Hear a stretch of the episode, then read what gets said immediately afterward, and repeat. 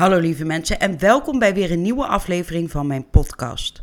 Vandaag een heftige aflevering, namelijk een gruwelijk familiedrama. Oener K. doodde zijn moeder, vrouw en kinderen. Mocht je dit te heftig vinden, mocht je dit triggeren, luister dan alsjeblieft niet. Sla deze aflevering dan gewoon even over.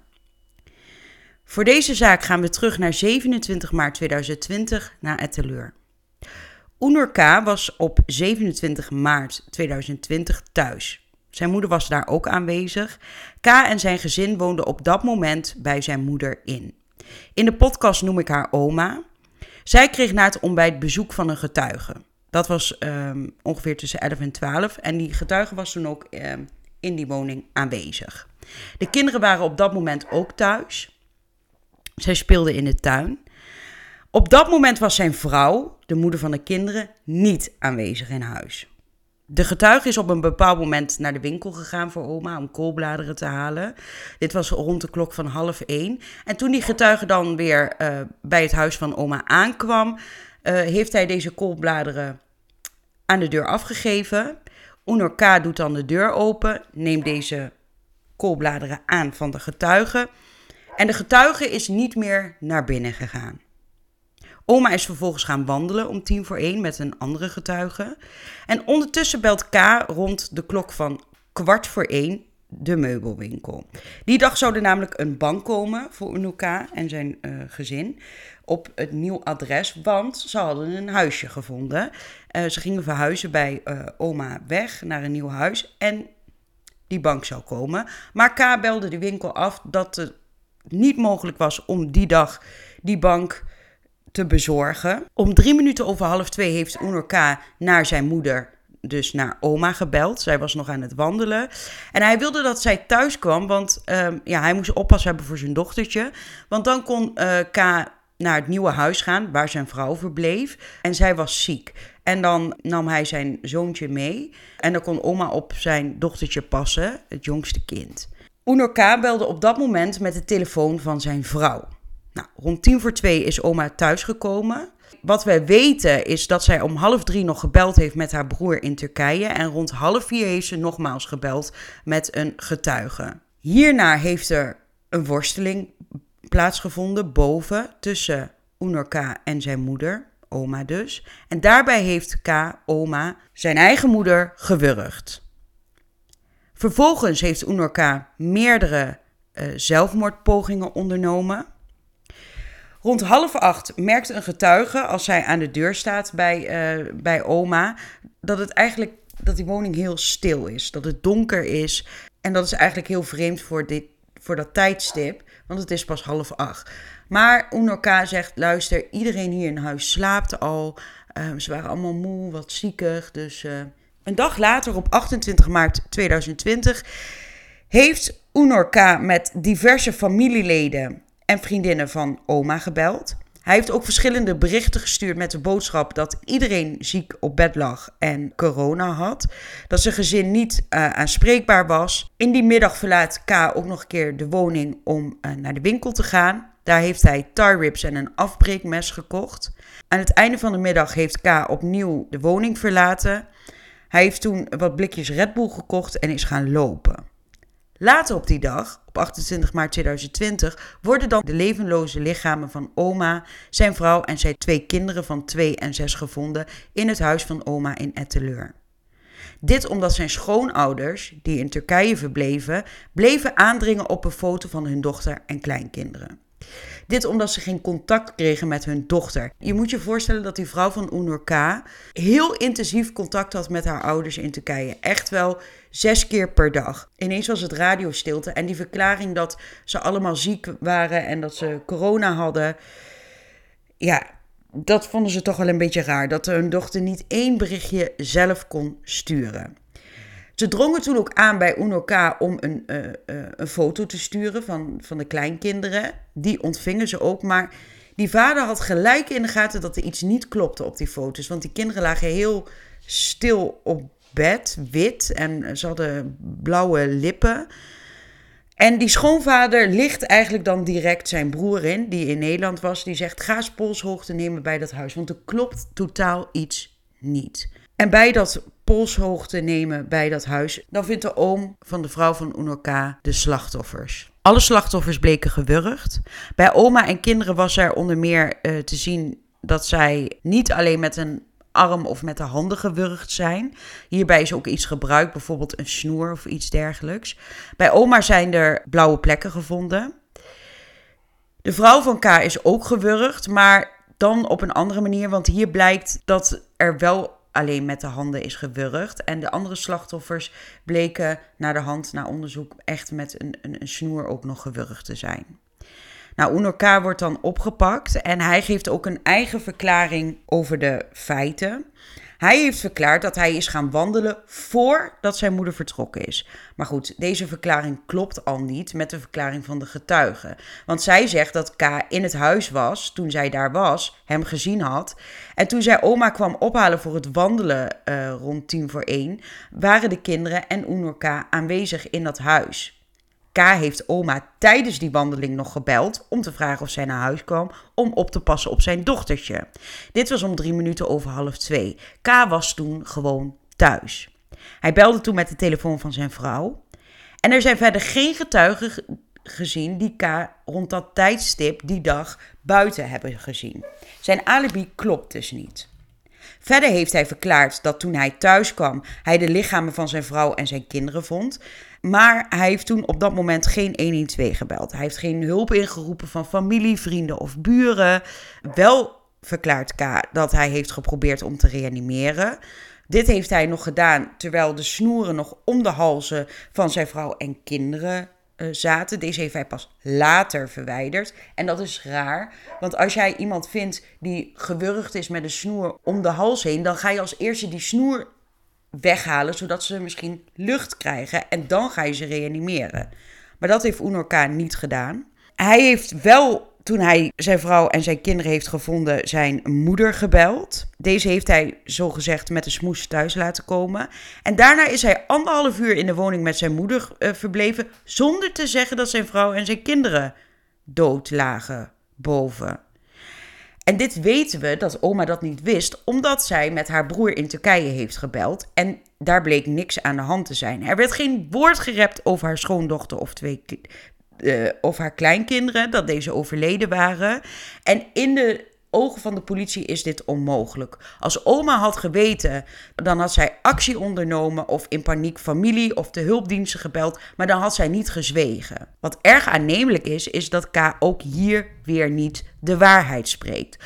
Wat natuurlijk ook niet in het voordeel van Unor K spreekt, is dat hij die dag de meubelzaak heeft gebeld om de bezorging van die bank af te bellen. Verder heeft hij die 28 maart ook meerdere familieleden en vrienden van zijn moeder aan het lijntje gehouden door hem te appen en te zeggen dat iedereen ziek was, uh, dat er sprake was van corona, dat het gezin in quarantaine moest. En hij heeft zelfs foto's gestuurd van die gezinsleden. Achteraf gezien waren die gezinsleden toen al overleden. Deze foto's heeft hij naar de ouders van zijn vrouw, die in Turkije verbleven, uh, gestuurd. Om iedereen eigenlijk op afstand te houden. Wat een vrij bizar detail is, en dat vind ik eigenlijk misschien nog wel de gruwelijkste detail van de hele zaak, is dat op het gezicht van het zoontje aanwijzingen waren dat er make-up was aangebracht. Dit heeft Unorka gedaan om sporen van geweld te verbergen voor die foto's. Nou, K verlaat dan op 28 maart 2020 aan het eind van de middag de woning definitief. Hij gaat twee blikjes Red Bull halen en dan uh, gaat hij lopen. Al die tijd zijn zijn vrouw, kinderen en moeder al meer dan 24 uur dood en liggen in dat huis. Al die tijd heeft hij geen hulp ingeroepen van hulpdiensten, familie of vrienden. En dat haalt zijn eigen scenario compleet onderuit dat toen hij thuis kwam, zijn vrouw en kinderen al dood waren. Dat hij getracht heeft om te reanimeren en dat hij later, toen uh, hij thuis kwam, zijn moeder tussen haakjes alleen om het leven heeft gebracht. Alles wijst erop dat Unurka een plan had om zijn gezin en zijn moeder uh, om het leven te brengen. En daarna wilde hij zichzelf van het leven beroven. K heeft uitgebreid verklaard hoe hij zit, uh, hoe het denkt. Hij heeft tijdens verhoren gezegd dat een derde, een buitenlandse partij, achter de dood van zijn vrouw en kinderen zit. Maar eigenlijk geeft hij weinig informatie over die buitenlandse partij. Eigenlijk is dit wat hij zegt. Maar in het dossier zit er geen enkele aanwijzing dat er een derde partij bij de moorden betrokken zijn. Ehm, er zijn geen sporen van derden aangetroffen in de woning. Er zijn geen getuigen die derden rondom de woning hebben gezien. En daarbij geeft K alleen zijn vermoeden over een derde partij. Eh, hij heeft geen harde bewijzen hiervoor. Verder heeft hij deze verklaringen van een derde buitenlandse partij in een heel laat stadium in het onderzoek gegeven. Namelijk pas in zijn vierde verhoor op 17 april 2020. Hij heeft de politie geen enkel aanknopingspunt geboden om nader onderzoek te doen. Later heeft K ook zelf verklaard dat dat verhaal van de derde buitenlandse partij een heel ongelooflijk ongeloofwaardig verhaal is. Er is ook geen motief aangedragen waarom zij dan hun, uh, waarom zij zijn vrouw en kinderen dood moesten uh, maken. Want Unor K. zegt wel in zijn verklaringen dat hij ooit geld heeft geleend van deze derde partij. Maar dit geld was al lang weer terugbetaald. Dus er was helemaal geen reden om zijn vrouw en kinderen om het leven te brengen. Of in ieder geval die derde partij. Dus ja, de politie moet zo'n scenario onderzoeken, maar al vrij snel bleek het dat dit gewoon een verhaal was die uit de duim gezogen was. Hoewel een derde partij, hè, de buitenlandse partij, geen motief had voor de moorden, had Unor deze wel. Want er waren al jarenlange schulden. En deze kwamen door ernstige gokverslavingen van Unor Deze hebben bijgedragen dat uh, het gezin echt in financiële nood zat. Het gezin woonde al enkele maanden in bij de moeder van K. En dit kwam omdat hun geldproblemen zo groot waren dat het gezin de hypotheek van het huis niet meer kon betalen en dat het huis per executieverkoop is verkocht. Het aanzienlijke bedrag aan overwaarde van de woning is in korte tijd door Unoka opgemaakt. Zelf verklaart hij dat dit gebeurd is aan het afbetalen van schulden. Zo heeft K een veel te dure woning teruggekocht in Etteleur. Maar hij heeft niet aan de waarborgsom kunnen voldoen, waarna er een hoge boete werd opgelegd. K heeft niemand op de hoogte gesteld van de ernst van de financiële nood van het gezin op dat moment. Hij heeft aan niemand verteld dat het nieuwe huis in Etteleur niet doorging. Hij heeft gezegd, nadat het al vele malen was uitgesteld, dat zij in de week van 27 maart 2020 de sleutel zouden krijgen van hun nieuwe woning. Maar die woning die ging niet meer door, want hij heeft die waarborgsom niet betaald. In plaats daarvan heeft hij hoge boetes gekregen, nog meer schulden. En het gezin was gewoon in de veronderstelling dat ze gingen verhuizen naar Etteleur. Dat ze een leuk centje op de bank hadden en dat alles geregeld was. Getuigen rondom het gezin hebben gezegd dat de vrouw van K, de moeder, en kinderen zich erg verheugden dat het gezin weer een eigen woning zou krijgen.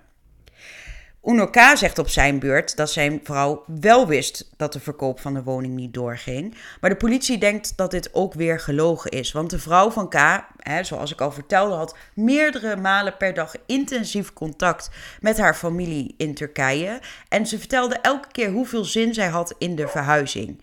Ze had ook aangegeven in de winkel waar ze de meubels kochten dat er haast bij had. Uh, met de levering van, uh, de, van, de, van de bank en uh, van de andere meubels. De bank zou op dat nieuwe adres worden aangeleverd. K had op die dag de sleuteloverdracht op 27 maart, de dag van de moorden. En hij belt dan op die dag, de dag van de levering, zelf naar de winkel om te zeggen dat die levering van die bank niet doorgaat. Want ja, er was geen nieuw huis. De politie denkt dan ook niet dat de vrouw het wist en dat ze loog tegen de buitenwereld over het huis. Zeker niet tegen haar ouders, waar ze zeer intensief contact mee had. Dat lag gewoon niet in de aard van de vrouw van Unor K. Dus de politie gaat ervan uit dat niemand dit wist, behalve K zelf. Politie en justitie is ervan overtuigd dat Unor K degene is die zijn gezin en zijn moeder om het leven heeft gebracht, met als motief dat zijn leugen over het huis en de financiële problemen aan het licht zouden komen. Maar de grote vraag is natuurlijk: is het doodslag of moord? Het moeilijke aan de zaak is, is dat K totaal niet verklaart over de moord op zijn vrouw en kinderen. Wel sumier over de moord op zijn moeder. Um, dus het is heel moeilijk in te schatten wat er nou daadwerkelijk in die woning is gebeurd. We weten dat de vrouw, oma en de kinderen om het leven zijn gebracht door middel van wurging, met handen, arm en met kabels. De kinderen zijn in de ochtend nog gezien door de getuigen die bij oma kwam uh, koffie drinken na het ontbijt.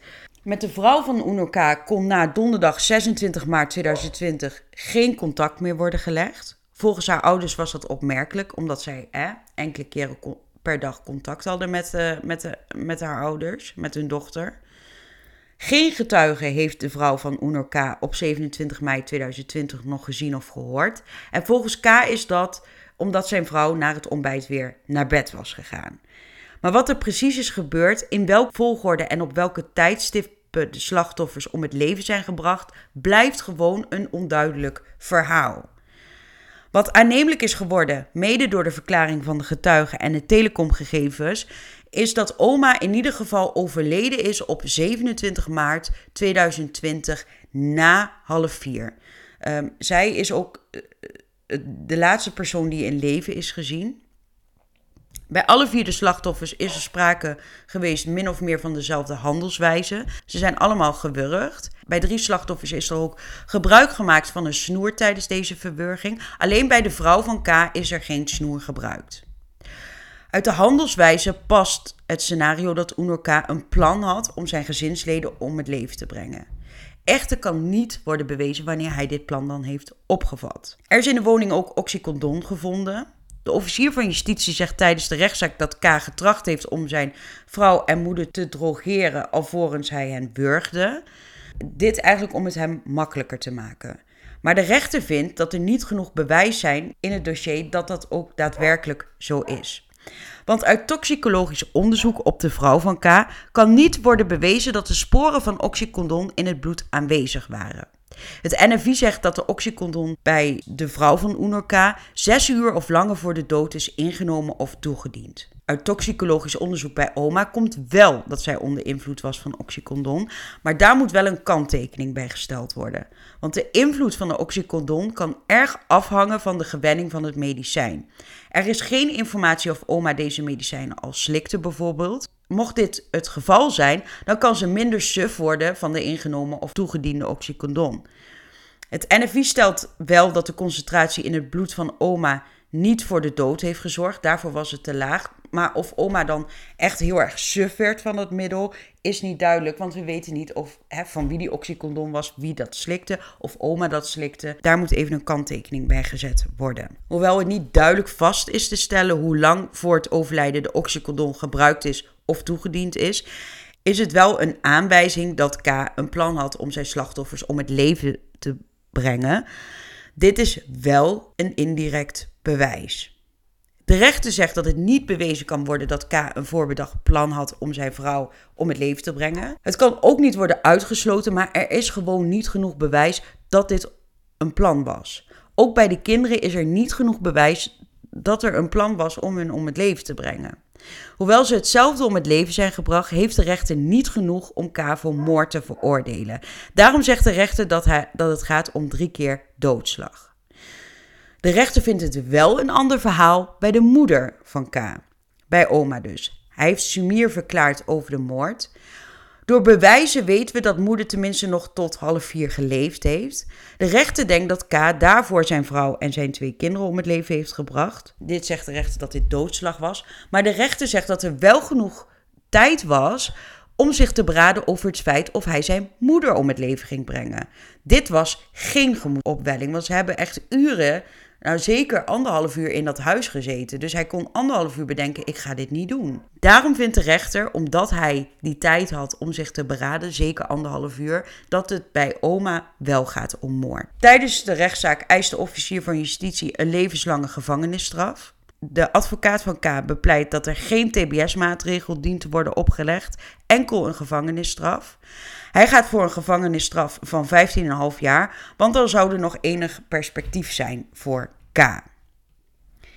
Er wordt altijd onderzoek gedaan naar de verdachte, naar de psyche. En dat lijkt me nou erg interessant bij Unor K. Ook omdat hij meerdere zelfmoordpogingen heeft ondernomen.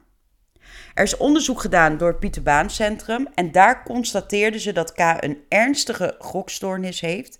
Daarnaast is er sprake van een vermijdende en narcistische trekken in zijn persoonlijkheid. En over de toerekeningsvatbaarheid en het recidivegevaar kon het Pieter Baan Centrum geen goed advies geven. Hoewel K meewerkte aan het onderzoek, bleef hij ontwijkende en ontkennende antwoorden geven. Ook heeft hij eigenlijk bij het Pieterbaancentrum nauwelijks openheid van zaken gegeven over het delict. Echter kan het ook niet worden uitgesloten dat hij verminderd toerekeningsvatbaar is. Deskundigen stellen vast dat de maanden voor de feiten het leven van K min of meer bepaald werd door zijn gokverslaving. Niemand in de omgeving was op de hoogte van zijn grote financiële problemen. Hij heeft wel naasten om geld gevraagd, maar hij heeft niet gezegd waarom. Hij heeft krampachtig zijn geheim, de financiële puinhoop, willen verhullen. Maar hij heeft geen proactieve oplossing gezocht. Hij bagatelliseerde de ernst en de gevolgen van zijn problemen en bleef een lange tijd hoopvol dat er nog een oplossing zou komen. Maar goed, deskundigen van het Pieter Baan Centrum kunnen niet met zekerheid vaststellen wat de gokstoornis en zijn vermijdende en narcistische trekken in zijn persoonlijkheid, uh, wat voor rol dat meespeelde in de feiten. En daarom legt de rechter K ook geen TBS op. Wel wordt UNO K tot een gevangenisstraf van 30 jaar veroordeeld.